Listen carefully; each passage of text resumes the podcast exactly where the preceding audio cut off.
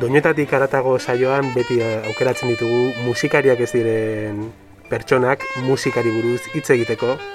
Normalean gainera ez dira musika munduko pertsonak izaten, baina gaur bai, gaur gurekin bi gonbidatu ditugu musika bere ogibidea dutenak, ongi etorri Mikel eta Igor Ezeiza. Apainaki, eskerrik asko. Beti beti egiten dugun galdera izaten da gozatu zaizue lau abeste hauek aukeratzea. Ba, egia esan asko, asko gozatu zaigu. E, e, abanikoa oso, oso ondila da, eta ba, komplikatu izan da ba, lau abesti aukeratzea.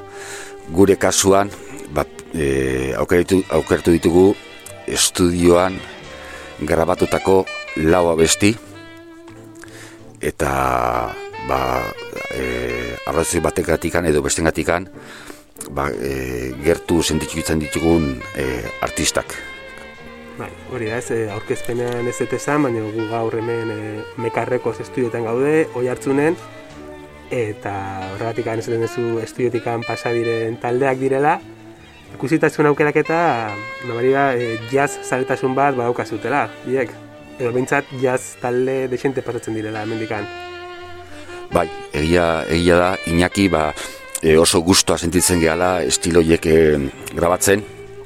E, gehien bat e, grabaketa hauek egiten ditugu, naiz eta beste estilo ezberdinak ere bai, e, entzungu izango ditugu, entzungu ditugu beste beste beste batzuk bai, ikusiko duzu eta e, Mikel Gio emango dizkizue arrazoiak ba, e, zergatikan gustatzen zaigun e, estilo hauek e, grabatzea, e, zertan ezberdintzen, ezberdintzen dien ba, beste estilo ba, pop edo modernoekin e, ikusiko ditugu zergatikan. E, gainera hori ez, jazak, e, bueno, gero sakonduko dugu gehiago ez, baina imaginatzen dut grabatzeko garaien eta hor nabardura asko dauzkan gauza zeren dara orduan, zait, erronka hitza erabila, zerbait polita ere grabatzeko, ez? Nabardura guzti horiek instrumentu bat, bestea hor dena txertatzea. Ba, dudei gabe, e, erronka askotan izaten da, e, momentuko sensazio horiek isladatzea di, diskuan. E, gehienen bat zuzeneko grabaketak izaten dira, improvisazioa ere izaten da, eta toma guz, guziak ba, e, ezberdinak dira beti. Orduan ba, horrek ere zailtasun pixkate bai ematen dio eta aldi berean ba, guretzako politia da hori. Gure improvisatze zalea gara, baina bueno, ontsi bertan improvisazio askori gabe entzulekin imaginatuko duten bezala entzungo dugu lehenengo abestia Natal Ramosen Islanders Dilema.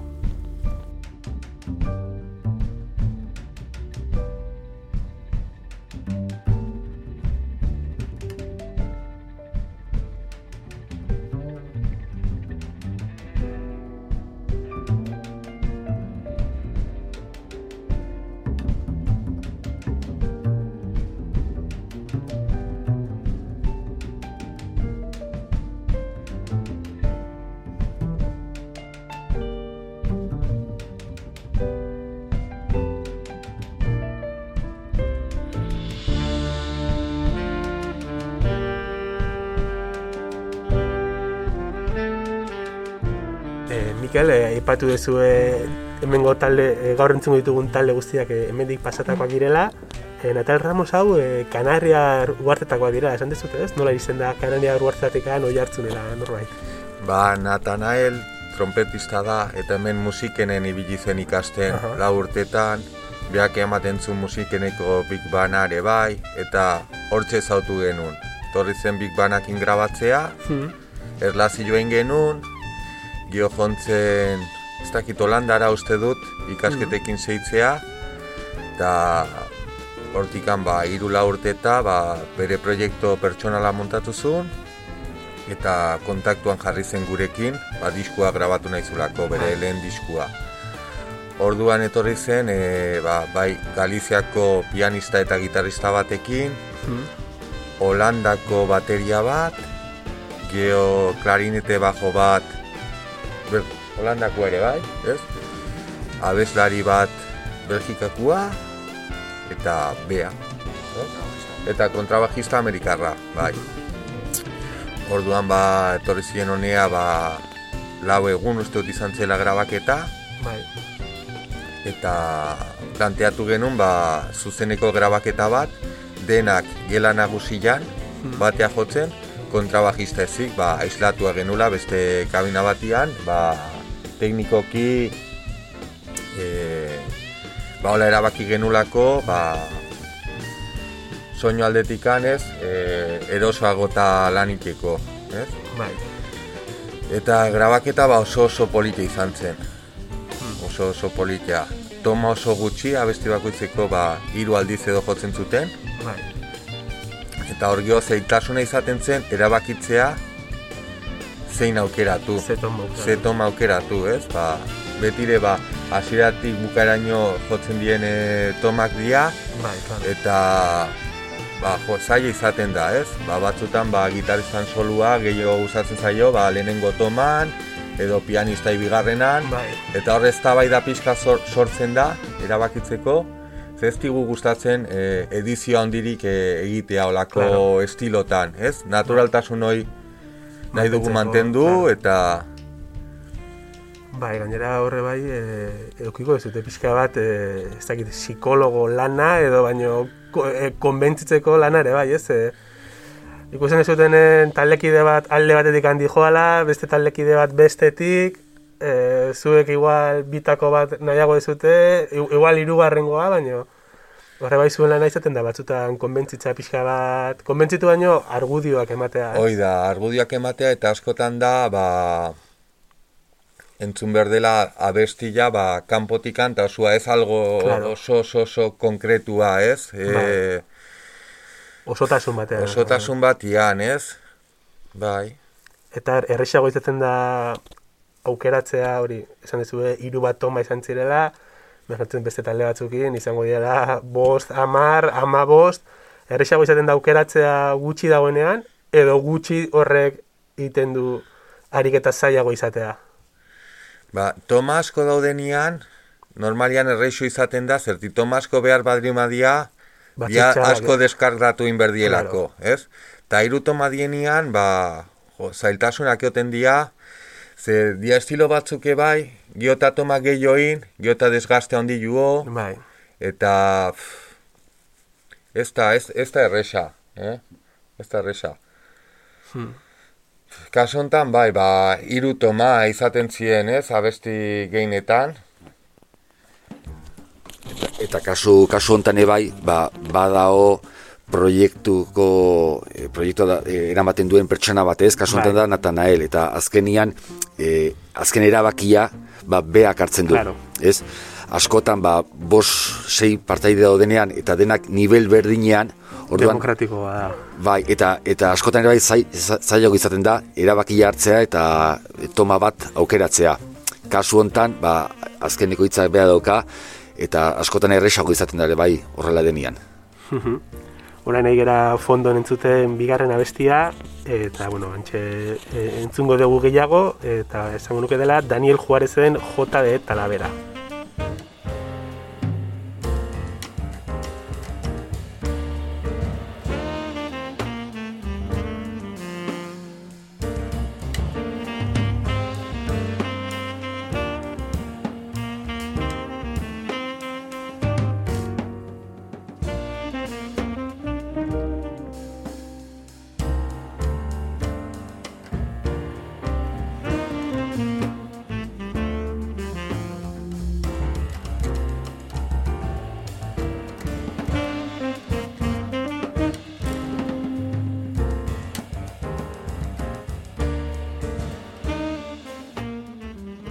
E, zergatik operatu zu J eta Talavera? Uste dut eh, Daniel Bera Talaverakoa edo ingurukoa dela, ezta? bai, talaberakoa, eta hau da kaso bat, ba, nahiko, no, nahiko, ba, Natana Elena nantzekua, ez? Hmm. E, Dani bai, ba, musikenen ikasitako saxofonista da, Bai, eta bere lehen diskoa gukin grabatu zuen. 2000 eta amala uste dut, izan zela. Ikasketa bukatzekuan, Nueva Yorkea jontzen, han pasazun denboraldi bat, eta bere bigarren diskoa grabatu zuen. Eta gero berriro bueltatu zen eta kontaktuan jarri zen gukin, ba, bere hirugarren diskoa grabatu nahi zula, eta izan zen, ba, pixkate bai, ba, estudioko apostu bat, ez, laguntza eman genion, ba, iruditzeigu, ba, lan oso txukuna egiten dula, oso langilea dela, mm. Pertsonalki ere bai. Pertsonalki. Oso, oso mutil jatorra, bai. umila, talento handikua, eta beti gustatu zen zaigu, olako jendiari ere bai, e, nola ez laguntzea. Bai. Ez? Askotan e, esan beharra ere bai, estilo hauek ba, e, zoritxarrez minoritarioak diela, mm. e, diru laguntza aldetik bai, ba, gehiagire ez daukate, orduan, ba, gure aldetik beti saiatzen gea, olako artistekin, ba, e, laguntzea eta eta behaien e, karreran lazpatiko aurrera ateratzen e, laguntzea. Bai, ezkenen polita ez, e, beti e, hasi, ez hasi berrie, baina bai hainbesteko jartzen daztuten taldeek, bultzada bat behar izaten dute askotan, eta polita da ez, e, ba, taldeek eta teknikarien eta artean sortu daiteken kamaderia hori ez, pixka bat, elkarri laguntzea, elkar bultzatzea, eta ikustea ba, e, hemen, hemen pasaden bat e, lehenengo diskoa grabatzea, ba, berriro bueltatzea eta berriro zuengan konfiatzea eta zuek ere beregan konfientzea, ez, ez, pixka dator laguntasun hori ere polita da. Gutzak oso, oso garrantzitsua da. Bai. Ze azkenian ba, binkulo bat e, sortzen da artistarekin. Mm. Eta naiz eta oso artista hona izan, guretzako garrantzitsuna da e, trato pertsonala. Bai. E, pertsonalki nola, nola dien e, artistak. Claro. Eta giota e, pues bai, lasai humilak dinean, ba, guk asko ze komodo sentitzen gea, eta azkenian ba, elkar, elkarlan bat da, ez? Hmm. Eta ipatu ez dute nola e, Daniel Bera saxofonista den, eta beste honetan hasiera mintzat eh, asko nabaritzen da saxofoi hori, ez? E, ba, auka presentzia bat, indar bat, lehetzen bai naita, bai beak, hola nahi zulako, eta bai, baita zuek ere, ez? E, como, bai. indarro daka, polita da, eta hemen bartza jo presentzia bat. Bai, azkenean bere proiektua da, bere izena ematen du proiektua, eta ba, presentzia handia daka, saxuak, bai. ez? Gaina oso oso oso politia jotzen du beak. Hmm kriston improvisazioak, torri zene bai, ba, musikari oso potentiakin. Bai. Ba, italiako bateria bat, kontrabajista ere bai italiakua, beste gitarrista bat madridekua, mhm. la gaztia oso, oso, oso txukuna. Mhm. Talde polita bildu zan, Bai, talde polita, bai. Pianista ere bai madridekua, eh, bajista murziakua. Murziakua, bai. Mm. Bai, bai, benetan hori, talde polit bat bildu zala, eta... Eta, bueno, emaitza ere polita da, ez, eh, entzun dugu besti honetan, e, jota eta laberan, ba, nabari da... Ez behar garrika izan dugu hasieran e, nabarmentzen dela saxofoia, baino... E, aipatu ditu instrumento guztik gora entzuten dira, eta, eta bere lekuak ate, eta ondo entzuten dira. Bai. Aipatu dugu Kanaria arruartetako e, musikari bat, gero hortikan talaberara jungera, poieki poieki Euskal Herriera horbiltzen ari gara, orain e, Bizkaia ondoan gaude, Kantabrian, baina lare usten dut, e, aukeratu dizuen hirugarren proiektu honetan, e, Malandro Club ditzen dena, balaudela e, Euskal Herriko musikariak ere. On pixkat pixkat ari gara hurbiltzen, entzun dezagun aurrena peso muerto abestia.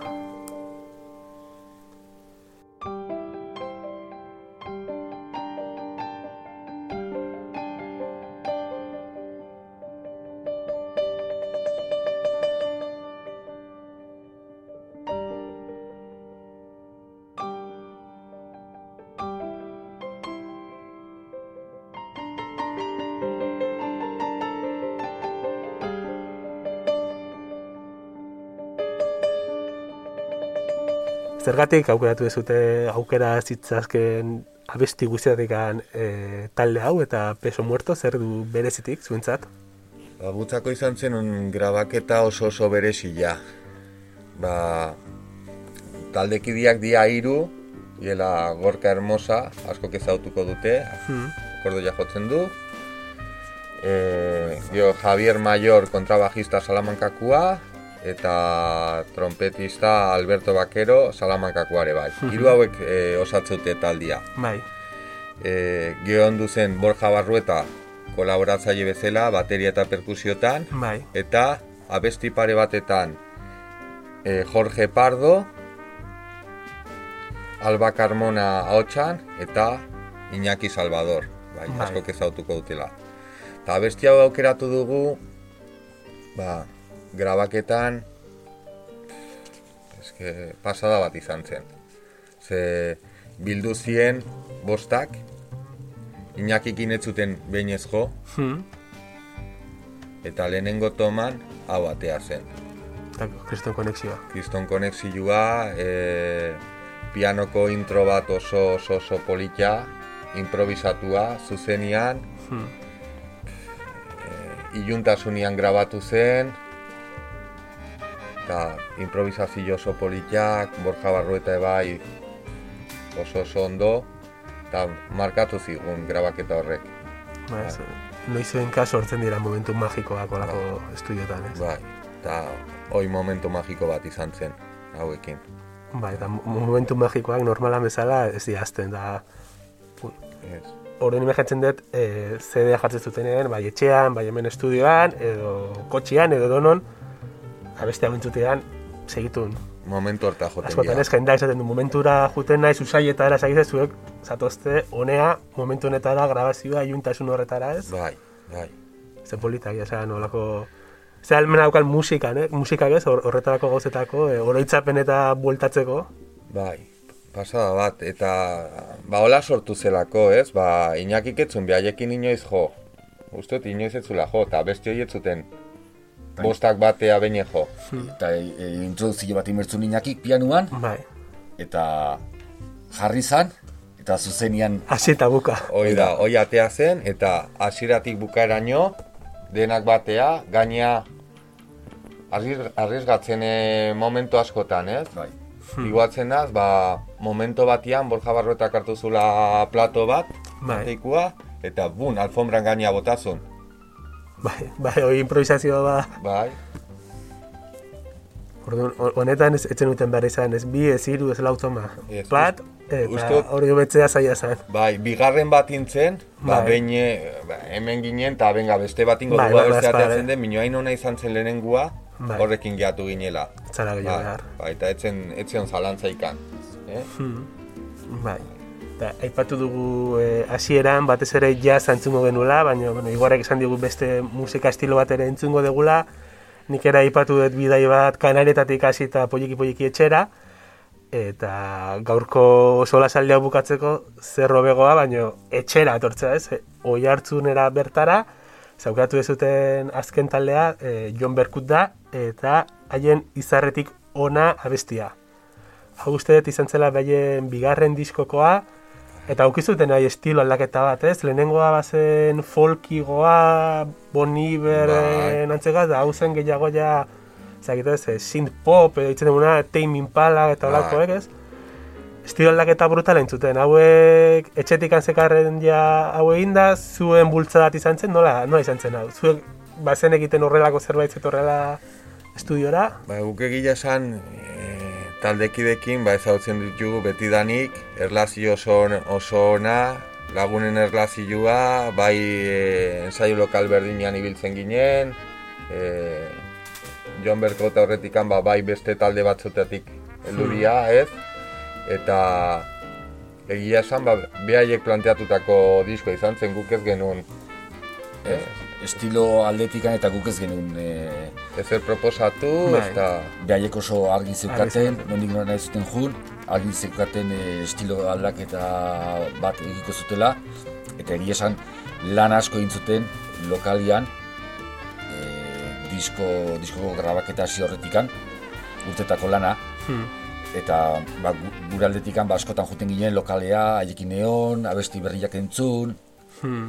E, batzutan ideia baten bat proposatu, bion behaien kasuan oso argi zeukaten nondik nora nahi zuten jun. Zukaldeko lan asko egin daztekaten Bai, denotikan. bai, bai. bueno, zuek ere bai, zuek ara juntzinaten, baiekin egon, ezautzen duten, oza, etzan izan, bueno, onera tozte estudiora, eta ea zerratuaren, baizik eta zuek ja, preparatuta zenekaten, ondo, ondo itzein da baiekin. Bai, bai, asko itzein genuen, maketak entzun, ez? Mm. Behaien ideiak entzun, ez?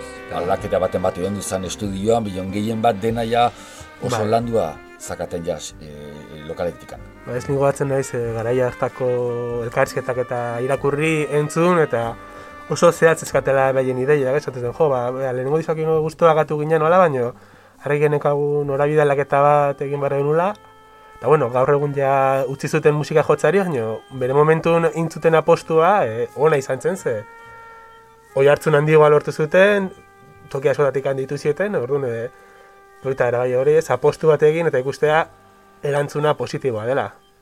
Eta hori asko dauka, ba, zuek behareke bai, estudioan e, indako lana. Ba, kriston lana intzuten. Ordu pila, soinu guztia bilatzen, detailea jontzien, ez? Ba, oso detailistak.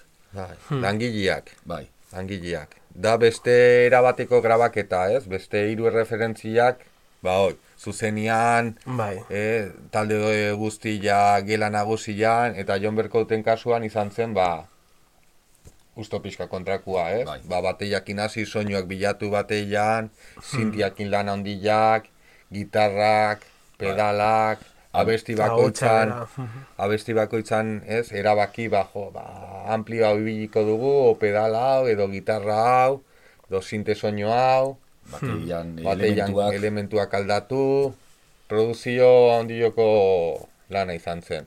Ah. Bai, aipatu dugu hasiera hasieran, ez? Nola jazzak eta basitu nina bardura pilagat, baina batzuten ez gara konturatzen ere popa edo, bueno, roka edo dena delakoak, zenbat nabardura izan ditzaken atletik zenbateko eh, izkutuko nolait esatearen lan egin behar den, bai, produkzioan, bai, masterrean denean, ez? Bai. Eta, hau da, adibidetako, adibidetako bat, ez?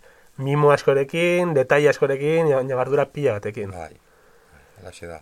Ba, zube lehenengo aldiz estudioan entzun zenute, bueno, lehenengo aldiz ez dakit, baina bentsat estudioan entzun zenuten abestia hau ziur, eta gure entzulek ez dakit nundikan entzungo duten, baina, bueno, agur esateko garaia iritsi da, eta entzule bagoitzak entzun bezala erosoen dagoen lekuan, Jon Berkuten, izarretatik ona abestia.